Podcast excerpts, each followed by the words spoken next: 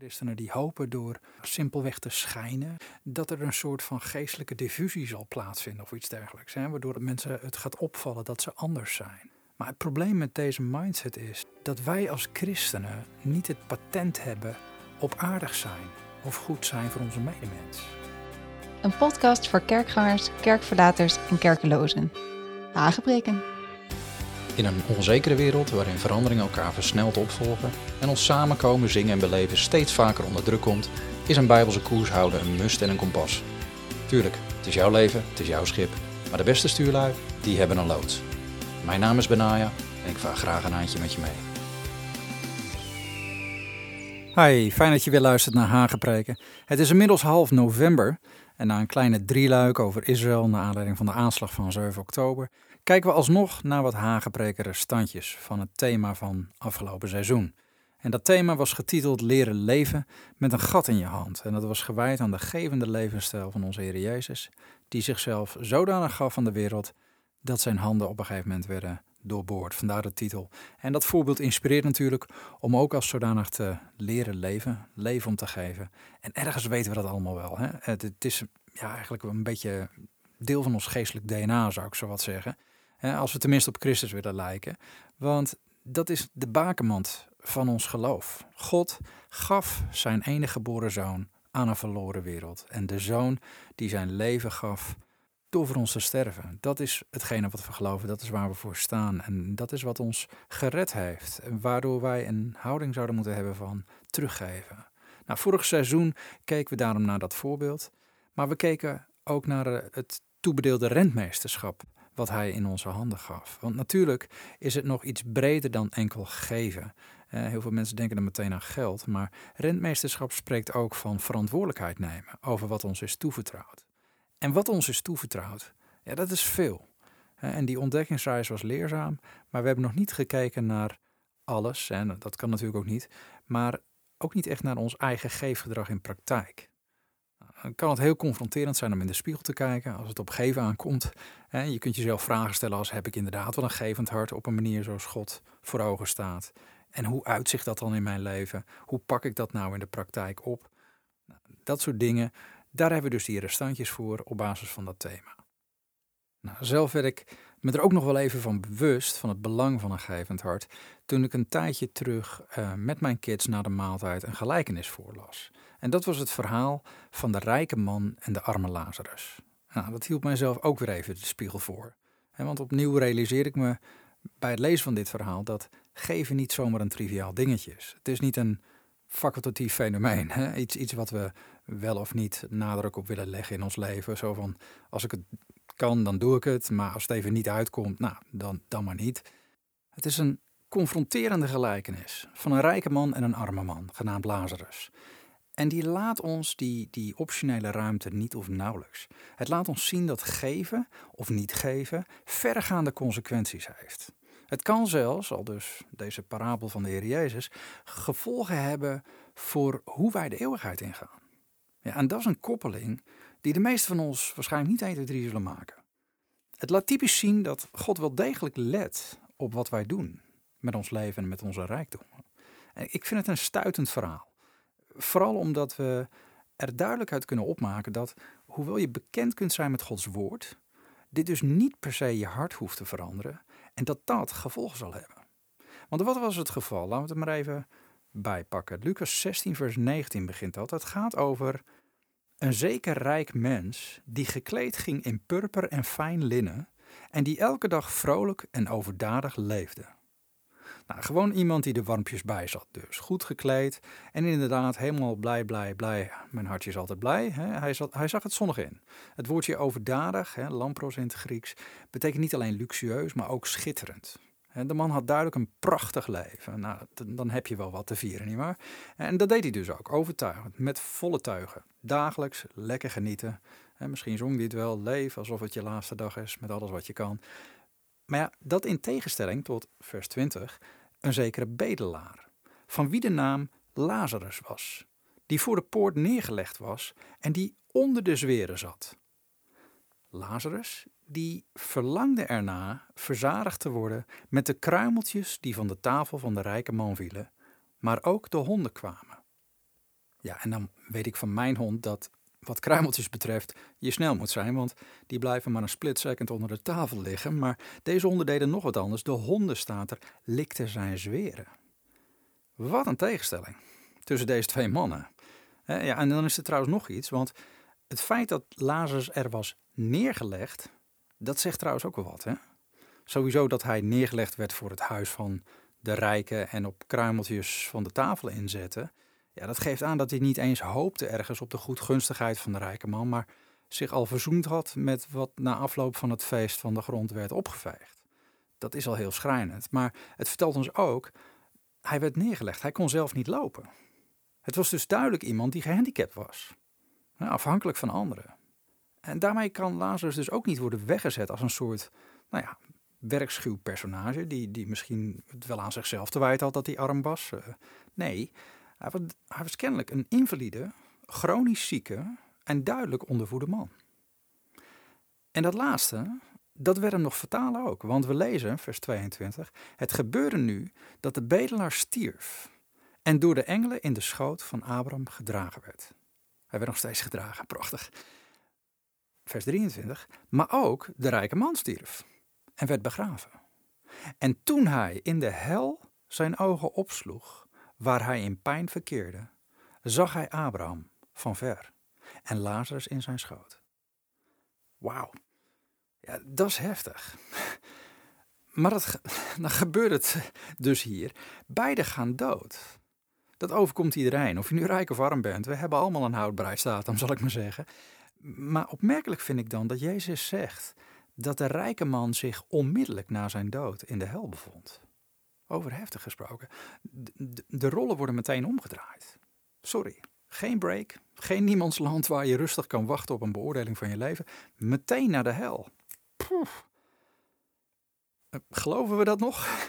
Willen we überhaupt nog aandacht besteden aan deze realiteit in de kerk tegenwoordig? Wil iemand zoiets nog horen? Dat die mogelijkheid bestaat? Serieus? Of willen we veiligheidshalve, om de lieve vrede te bewaren, het hier maar liever niet over hebben en niet over nadenken? Ik denk dat de meesten van ons toch gericht zijn op het nu, niet het straks, in de eeuwigheid. Dat is te vaag, lijkt te ver weg, is te ongrijpbaar. En, en, toch, Jezus maakt er expliciet een punt van. Ja, en, en dan niet met de sandwich-methode, maar gewoon met een enorme heftige heads-up. Maar zo staat het er. dus we moeten er wat mee. En de evangelie gaan nu helemaal niet alleen over de goede herder en de wonderbare spijzigingen. Dit zijn verhalen die we ja, niet 1, 2, 3 in de kinderbijbel lezen. En, en, daarom misschien ja, ook misschien wel niet geïntegreerd worden in het dagelijks bewustzijn van de volwassen christen. Over bewustzijn gesproken, het verhaal wordt nog erger. We lezen hier dat diezelfde rijke man vanuit zijn pijnlijke positie ook nog eens bij volle bewustzijn is. Dus mocht je denken, als ik doodga, nou dan hoor ik en zie ik niks meer, dan weet ik niks meer, het is gewoon afgelopen. Nou, niet dus. Blijkbaar neem je je volle bewustzijn mee. Nou, even een zijspoortje, zelfs wetenschappelijk onderzoek heeft dat in onze tijd zelfs vastgelegd. Hè. De, ik weet niet of je dat weet, inmiddels internationaal bekende cardioloog Pim van Lommel heeft daar uh, onderzoek naar gedaan. Onderzoek naar bijna doodervaringen. En die schreef een boek erover. En aanleiding van een uh, peer-reviewed onderzoek bij, ik meen, iets van 344 Nederlandse patiënten, waarvan 18%, iets van 60, 62, een bijna doodervaring hadden gehad. En het werd onder andere in een uh, nou ja, gerenommeerd medisch tijdschrift, The Lancet, werd het gepubliceerd, weet ik nog. Maar Van Lommel toonde wetenschappelijk aan dat bewustzijn losstaat van ons fysieke lichaam. En het blijft dus bestaan na de dood. Zelfs niet-christenen hebben dit geconcludeerd. Enfin, wij hadden het natuurlijk al van de Heer Jezus begrepen. Maar die vertelde dat de rijke man na zijn dood in die andere dimensie niet alleen Lazarus herkent, die al die tijd voor zijn deur had gelegen, maar zelfs Abraham. Met andere woorden, ook in die andere dimensie Nadat we ons natuurlijke lichaam afleggen, hebben we kennelijk de nodige kennis van wie wie is. En nu was Lazarus uiteraard geen onbekende voor hem. Die was tenslotte al die tijd onderdeel geweest van zijn normale natuurlijke omgeving. Die lag immers voor de poort elke dag. Waarschijnlijk kon hij zijn erf niet eens oplopen zonder Lazarus voorbij te eh, rijden. Dus die herkende hij uit duizenden. Maar er is nog iets opvallends. De rijke man blijkt ook geen onwetend figuur te zijn wat Bijbelkennis betreft. Hij is niet iemand van God los of zo. De setting van het verhaal is uiteraard niet in Bhutan of Saudi-Arabië of zo. Hij is niet een, een hindoe, boeddhist of moslim. Het was duidelijk iemand met voorkennis van zaken. Iemand die de schrift kende. En dat zien we aan het feit dat hij Abraham direct herkent als zijnde Abraham. Ondanks dat hij zelf in de hel zit. En dat is opmerkelijk. Want vanuit die hel waar hij zich bevindt, wat overigens een bijzonder reële fysieke plek blijkt te zijn, lezen we dat hij roept, vers 24, Vader Abraham, ontferm u over mij en stuur Lazarus naar mij toe en laat hem de top van zijn vinger in het water dopen en mijn tong verkoelen, want ik lijd vreselijk pijn in deze vlam. Wauw. En daarmee kunnen dus alle boeken die beweren dat er geen hel zou zijn, ook meteen in de vuurkorf. Ja, begrijp me niet verkeerd. Ik, ik ben geen hel- en verdoemenisprediker. Hoewel ik erg onder de indruk ben van de almacht van God en geloof dat de zogenaamde vrezen des Heren wel wat meer terug mag komen in het licht van Christus, toch geloof ik dat de rode draad in onze prediking van het goede nieuws de liefde en genade van God dient te zijn. ook omdat Paulus ons leert dat het, zoals er zo mooi staat, de goede tierenheid van God is die tot bekering leidt. Romeinen 2 vers 4. En daar komt ook nog bij dat vanuit mijn jeugd, opgroeiend met vriendjes die in de wat traditionelere gezinte kerkten, uh, dat ik zag dat juist de angst voor de hel de meesten een levenslange onzekerheid meegaf of ze wel gered zouden zijn of niet. En dat is weer, denk ik, een, een logisch gevolg van een ongebalanceerde presentatie van het evangelie. Hè? Eentje die God vooral als rechter neerzet en niet zijn vaderschap benadrukt. Um, met als het gevolg dat je het blije aan de blije boodschap, ja, vaak, uh, dat het vaak ver te zoeken is. Maar desalniettemin vind ik het toch wel opvallend dat het andere uiterste tegenwoordig door heel wat populaire sprekers en schrijvers wordt verkondigd. Namelijk doordat sommigen het bestaan van een letterlijke hel tegenwoordig proberen af te zwakken of zelfs ontkrachten. En dit gebeurt dan vaak vanuit de redenatie dat die eeuwige verdoemenis niet kan worden gerijmd met de goede en vooral genadige God, die zijn zoon zond om ons te redden. En vervolgens wordt dan gezegd dat uiteindelijk komt alles goed voor iedereen, want zo wordt dan geredeneerd, God is tenslotte liefde. Nou, dat is natuurlijk een hele fijne vorm van wishful thinking, maar schriftuurlijk kom je helemaal klem als je dan dit soort verhalen van de Heer Jezus ernaast legt. Ik bedoel, niet onbelangrijk, maar de Heer is hier zelf aan het woord. En dit is niet een Paulus of een Petrus, waar sommigen dan nog een menselijke maatstaf of een foutmarge aan denken te kunnen toebedelen. Maar hè, als een apostolische theologie niet lekker matcht met eigen voorkeur. Nee, dit is de Heer Jezus zelf. Dus de Heer die een boekje open doet over de hel. Ja, dat zou ons op scherp moeten zetten. Misschien juist om, omdat we weten dat hij liefde is. En dan vertelt hij dit omdat hij juist het beste met ons voor heeft. En daarbij, ja, last time I checked, vertelde hij nooit sprookjes of verzinsels.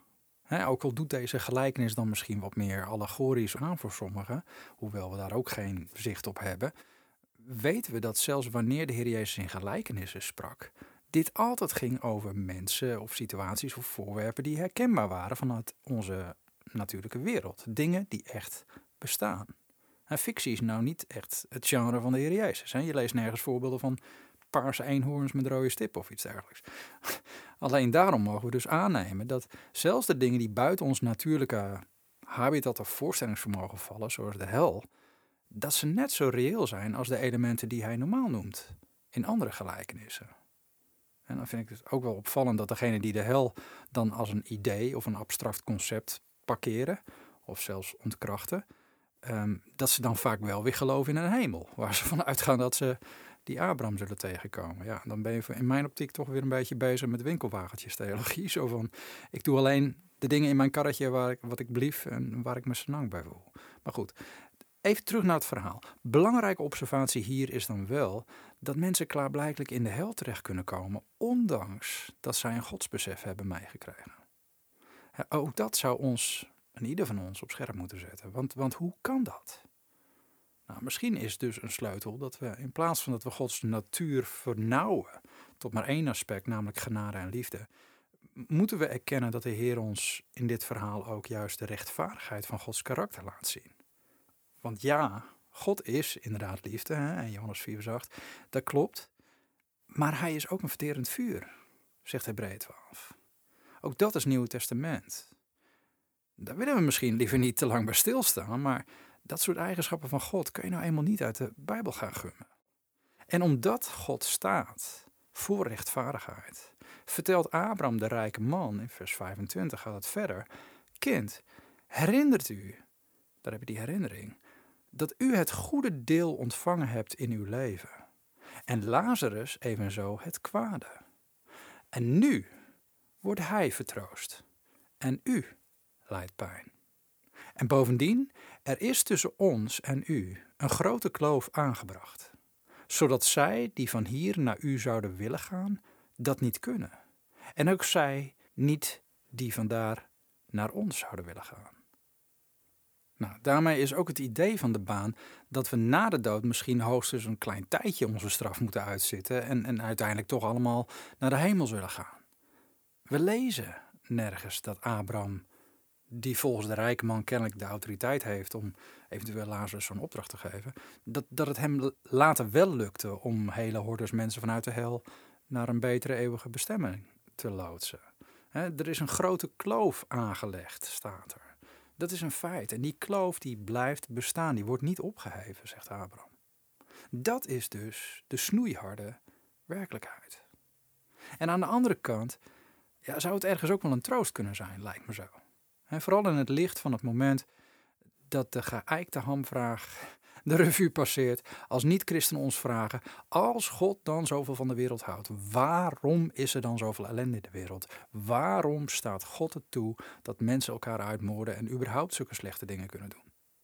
Nou, kennelijk mogen we zeker weten dat God vanuit zijn rechtvaardige natuur op een bepaald moment de balans zal opmaken. En niet alleen de rekening presenteert van ons denken, doen en spreken, maar ook nog eens de rollen om zal draaien als we niemand hebben die voor ons pleit. Het zal gaan zoals hier in het verhaal. Dat wie nu in deze wereld al die ellende, ziekte, verderf, verraad, verlies, etc. meemaakt, in de eeuwigheid vertroosting ontvangt. Een eeuwig zegenrijk lange rust, geborgenheid, voorziening.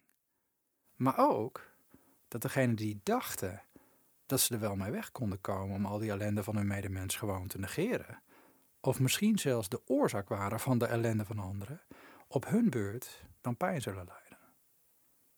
Want dat zegt Abraham hier. Want dan ook eeuwig, lang pijn zullen lijden. Oef. We kunnen ons daar nog geen voorstelling van maken. willen we niet eens. Ik bedoel, hoe zou dat aanvoelen? Uh, als in de eeuwigheid alle perceptie van tijd wegvalt, doordat de zon en de maan er niet meer zullen zijn, zegt de Bijbel, en dat we voor altijd in een nadrukkelijke nu-status zullen leven. Ofwel in vredig geluk, of in verschrikkelijke pijn. Het zijn gedachten waar niemand bij stil wil staan, dat besef ik me wel, maar het is een realiteit die bepaald wordt door hoe we ons opstellen op dit moment. En dat is belangrijk. Het is een realiteit die kennelijk op dit moment ook al van kracht is. Want Jezus vertelt ons dat zodra de bedelaar stierf, hij door engelen in de schoot van Abraham werd gedragen. En zodra de rijke man stierf en werd begraven, sloeg hij zijn ogen op en was hij per direct al in de hel. Wauw. Ik weet niet hoe het jou vergaat, maar dat zet mij echt wel op scherp hoor. Soms als ik in uh, nou ja, de laatste restantjes van mijn drukke dagen met een kop thee voor de kachel zit te lezen in mijn bijbeltje en ik lees dit soort dingen ja, dan zit ik gewoon soms te trillen als ik echt besef wat ik net heb gelezen. En niet alleen omdat ik dan automatisch reflecteer op mijn eigen leven. dat doe ik dan met een mengeling van gezonde godsvrees en stille dankbaarheid dat hij mij zijn genadige hand toereikte. Want, nou ja, ik weet net als jij wie ik ben en wat ik af en toe denk en zeg en wat ik op de kerfstok had staan, die God doormidden brak en als bewijsstuk vernietigde. Maar meer nog dan dat geeft het mij ook een, een, toch een zekere urgentie om mijn mond niet te houden naar mijn medemens, die zonder God naar zo'n plek gaat. En soms vraag ik me af of we hier wel genoeg bewustzijn voor hebben in, in, in de gemeente, in, in de kerk. En natuurlijk weten we in theorie dat het zo is, want we, weten dat het geschreven staat dat wie de zoon heeft, heeft het leven en Wie de zoon niet heeft, heeft het leven niet, hè, en Johannes. En dat, nou ja, misschien ook wel bekend voor de mensen die Johannes 3 vers 16 kennen. 3 vers 18 zegt, wie in hem gelooft, wordt niet veroordeeld, maar wie niet gelooft, is al veroordeeld. Omdat hij niet geloofd heeft in de naam van de enige geboren zoon van God. Ja, dat zijn hele ontnuchterende, angstwekkende bijbelversen. Maar dringt de serieuze ja, gevolgen hiervan echt nog tot ons door? En wat als die realisatie te laat komt? Want eenmaal in de positie waarin de rijke man zich bevond, en dan weet ik ook niet wat pijnlijker zal zijn, weet je, de, de vlammen van de hel of de herinneringen van vroeger. Herinneringen die blijkbaar springlevend blijven. En met die herinneringen, zoals we lezen over de rijke man, komt dan ook de onrust en de zorgen die er dan zullen zijn over degenen die nog niet gestorven zijn. Omdat dan pas het echt doordringt dat iedereen om wie je geeft ook gevaar loopt om daar terecht te komen als ze niet bewust te leven, zoals God het ons opdraagt. Je leest het ook over de rijke man, die zegt, ik, ik, vers 27, ik vraag u dan, vader, dat u hem, Lazarus, naar het huis van mijn vader stuurt, want ik heb vijf broers. Laat hem tegenover hun getuigenis afleggen, opdat zij hier ook niet komen op deze plek van pijniging. En dan zegt Abraham, ja, maar ze hebben Mozes en de profeten. Laten ze naar, naar hun luisteren. En dan zie je ook aan, ja, dat zijn gelovige mensen geweest. Zo'n zo'n rijke man. Het was daar bekend, Mozes en de profeten. En de rijke man wist dat, want hij zei: Nee, nee, nee, nee. Maar als iemand van de doden naar hen toe zou gaan, dan zouden ze zich bekeren. Maar dan zegt Abraham: als ze, als ze niet naar Mozes en de profeten luisteren, ja, dan zullen ze zich ook niet laten overtuigen als iemand uit de dood zou opstaan. Wauw. Snoeihard dit. Rechtvaardig misschien, maar zo keihard. Het zou ons, ja, het zou ons met, met ernst en urgentie moeten vullen. Want kennelijk is het zo dat zelfs als mensen bekend zijn met het woord, zoals de familie van deze man, bekend met de boeken van Mozes, de Torah en de profeten, wat wij het Oude Testament noemen, dan, dan beschouwt God het als genoeg om overtuigd te raken, om je te bekeren naar Hem toe, om de daad bij het woord te voegen. Maar hoeveel van ons denken dat het eigenlijk wel los zal lopen met onze familie, met onze vrienden, collega's of medestudenten, of zelfs misschien met die gezellige vriendengroep waarvan we weten dat ze naar de kerk gaan op zondag, die zogezegd ook Mozes en de profeten hebben, of zelfs nog meer, Jezus en de apostelen erbij. Hoeveel van ons gaan er niet vanuit dat als mensen opgroeien met de Bijbel, God het uiteindelijk wel zal begrijpen? Als ze zich misschien niet eens duidelijk hebben bekeerd en een leven leiden die hunzelf en hun omgeving verandert.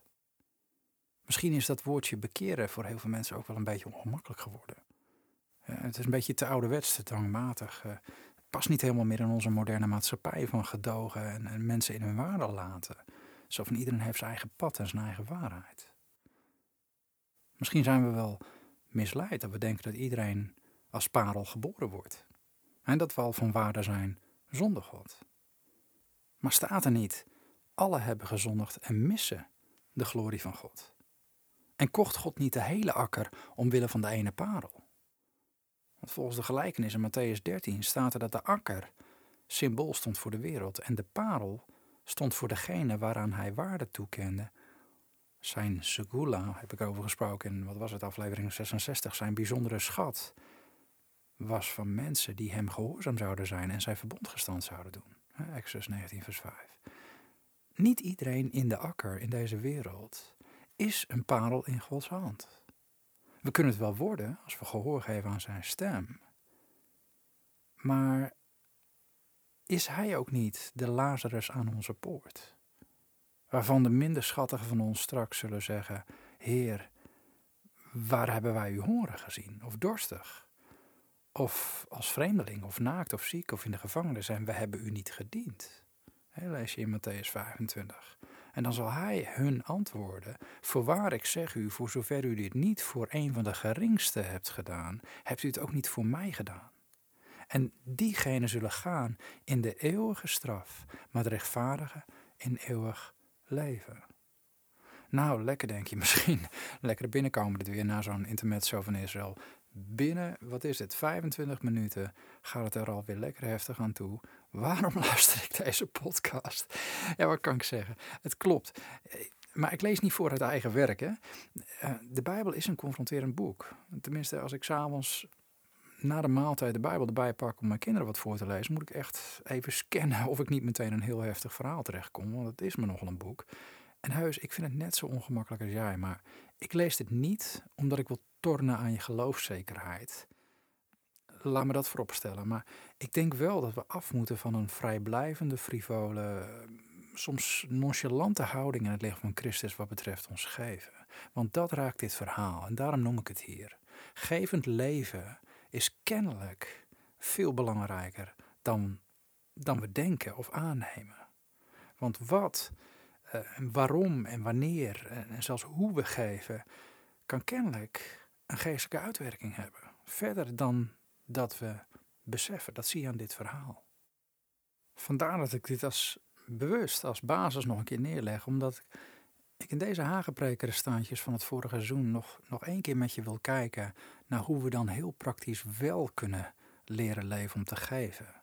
En aan de vergaande consequenties te zien voor deze rijke man, begint dat kennelijk bij evangelieverkondiging zonder onprettige delen weg te laten. En dus niet alleen Johannes 3, vers 16, maar ook vers 17 en 18. Dat is onze eerste geefactie naar de wereld om ons heen. En kennelijk niet alleen naar mensen die geen enkele weet hebben van God, eh, maar misschien is het elkaar aansporen tot liefde en goede werken hier wel op zijn plaats. En dan bedoel ik niet zozeer dat we nadruk moeten leggen op, op, op die goede werken alleen. Want het verhaal hierom was niet alleen van hé, hey, je had Lazarus moeten helpen, maar het, het, het, speelt zich ook terug naar de rijke man. Want ik weet dat sommigen tegenwoordig het credo van Francis van Assisi hoog in het vaandel hebben. Zo van verkondig het evangelie en desnoods met woorden. Nou is het maar de vraag of Francis dit werkelijk gezegd heeft, want zijn leven spreekt anders. Hij predikte kennelijk aan elk schepsel. Zelfs een verhaal dat hij vogels verkondigde van de liefde van God. Maar afgezien daarvan, het evangelie is veel meer dan liefdadigheid. Het eerste wat de Heer ons opdroeg was: ga heen in heel de wereld, predik het evangelie in alle schepselen. En wie gelooft zal hebben en gedoopt zal zijn, zal zalig worden. Maar wie niet gelooft, zal verdoemd worden. En feitelijk is dat de punchline ook van de gelijkenis van de Heer Jezus. Want je kan zeggen dat je gelooft, maar net als Jacobus zei, geloof zonder werken is dood. Uit je daden moet je geloof blijken. Lees in Jacobus 2, vers 18 tot 20. En dit betekent daarmee ook weer niet dat Jezus zei: ga heen en, en doe goed aan alle mensen. Ga, ga sociaal werk doen. Hè? Wees lief en bied hulp aan mensen met goede daden of, of, iets dergelijks. De prediking van het evangelie staat niet gelijk aan het doen van ontwikkelingswerk. Uh, of, of, voedsel en kleding uitdelen. Het evangelie wordt het woord van de waarheid genoemd. En niet de goede werken van de waarheid. Maar de rijke man, die verzuimde de daad bij het woord te voegen ondanks dat hij bekend was met het woord van God. Kennelijk mocht het in de praktijk hem niks kosten. Hij had zijn blik op hele andere dingen gericht, voornamelijk op een wereld rondom zichzelf.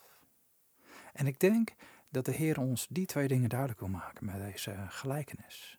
Enerzijds je ogen openen voor de Lazarus aan je poort, en anderzijds het gevaar dat je loopt als je niet de daad bij het woord voegt dat je al hebt ontvangen.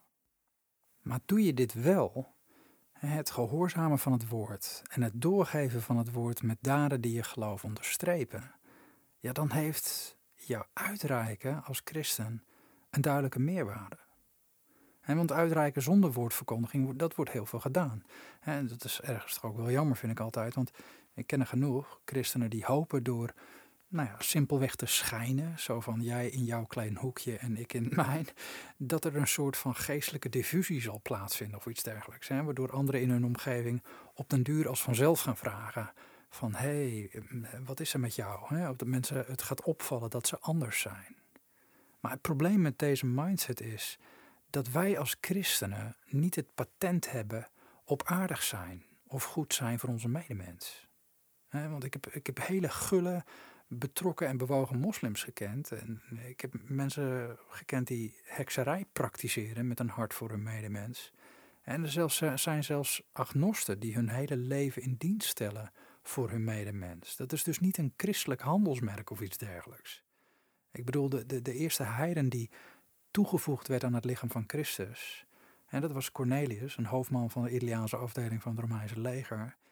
En die liep bij God in de kijker niet alleen vanwege zijn gebeden, maar juist vanwege de aalmoezen aan het volk. Dat was God opgevallen. En dat was niet een Jood. lees maar na in Handelingen 10. Het verschil, wil ik maar zeggen, de meerwaarde die we als christen kunnen geven, is dat we kunnen getuigen dat we dit doen vanuit een andere mindset. Namelijk, wij geven ons aan anderen omdat Christus zichzelf aan ons gaf. En het is een gemiste kans als we mensen deze motivatie en die inspiratiebron onthouden. Maar als we erover niet zwijgen en doelbewust getuigen van dat evangelie terwijl we uitreiken aan anderen, ja, dan krijgen mensen veel meer dan een volle maag of een nieuwe kledingstuk of wat dan ook. Hè. Dan lenig je niet alleen hun aardse nood, maar dan ben je veel verder begaan met hun als persoon in feite. Want ieder die Christus nog niet heeft leren kennen, heeft allereerst een geestelijke nood. En elk persoon zonder de Heer Jezus loopt namelijk het gevaar onder het oordeel te komen van God aan het einde van hun leven. Hoe lang of hoe kort het ook zal zijn. Maar elk persoon, arm of rijk, kan ook vrijgepleit worden als ze in het geloof het offer van de Heer Jezus en zijn genade aannemen. Maar ja, wie trekt zijn mond tegenwoordig nog open in ons politiek correcte. Hè, waar, we, waar we niemand voor het hoofd willen stoten, omdat we liever inpolderen, gedogen en leven en laten leven. Onder lieve vrede. Nou, ik weet wel dat sommigen mij vroegen om praktische handvatten voor het leren leven om te geven naar aanleiding van het thema. En ik weet ook dat de voornaamste vraag op het gebied van financiën lag. Maar ik zou je allereerst heel praktisch willen zeggen: geef het evangelie door. Onbeschaamd. En met de urgentie die je hopelijk voelt bij de gelijkenis van de rijke man en de arme Lazarus. En laten we ons alsjeblieft realiseren en nooit vergeten dat de Heer ons een zendingsbevel gaf en niet een zendingsverzoek. Goed. Nu weet ik ondertussen natuurlijk niet welke Lazarus bij jou op de stoep ligt. Wel weet ik dat die stoep steeds vaker niet meer ver van ons bed is. De wereld om ons heen is veranderd. Ik denk dat iedereen dat weet, vooral sinds de hele coronaperiode. Want ook in eigen land, in eigen buurt, stapelen de crisissen zich op. Er is steeds meer sluimerende armoede, mensen die hun rekeningen niet langer kunnen betalen, een steeds duidelijkere recessie begint ze tol te eisen, brandstof en, en boodschappenprijzen reizen de pan uit, woning- en energielasten drukken op het budget van menig huishouden. Bedrijven vallen om, boeren en tuinders moeten hun boel opdoeken. Het is een chaos aan het worden. En dan is er ook nog die gigantische oversterfte. Uh, steeds meer gezinnen waarin dierbaren plotseling wegvallen, getroffen worden door aandoeningen of hartfalen. Het kan je niet ontgaan zijn, wat je er ook over denkt. Maar het heeft ook weer gevolgen voor partner, voor kinderen, betrokkenen. En anders komt een Lazarus wel uit de Oekraïne of andere landen naar ons toe. Naar jouw dorp, naar jouw stad. En nee, dat zijn niet allemaal gelukzoekers of terroristen. Kort gezegd, we hebben genoeg Lazarussen aan de poort, als je het zo zou kunnen zeggen. Zoveel dat als je je ogen ervoor wil openen, het je echt wel kan overweldigen. Je kan er zelfs bang en hopeloos van worden, maar het kan ook anders. Want wat nou als dit het moment is dat het volk van God weer opnieuw op de kaart zou kunnen komen te staan? Wat nou als volgelingen van Jezus, te midden van al die crisis, tekort en recessie, bekend komen te staan als mensen die zich juist niet richten op zichzelf. Mensen die anders omgaan met nood. Anders met de onrechtvaardige mammon, met het geld. Waardoor mensen de uitreikende hand, de liefdevolle aandacht van God ervaren in hun barre, uitzichtloze, schrijnende omstandigheden. En durven wij onszelf op deze manier in de spiegel van het woord te bekijken? Of komt het er dichtbij? Goed. De tijd is alweer verstreken, dus ik hou op. Ook omdat ik niet weet of ik met deze heads-up wel de juiste teaser heb neergelegd voor het standje aangebreken, de tweede teaser. Maar voor nu laat ik het erbij. En uh, we gaan nog volgende keer nog wat dingen behandelen die zijn blijven liggen over geven. Hoe geef je? Wat gebeurt er als je geeft? Waaraan geef je? Komt allemaal nog wel. Voor nu zou ik zeggen, blijven luisteren, blijven koers houden naar het woord van God. En heb je vragen, aanvullingen of opmerkingen? Stuur even een mailtje naar podcast.saintkenaan.com. Zeg je nou, bedankt, dankjewel, was goed, was wel wat punchy, maar uh, ik kon het wel gebruiken.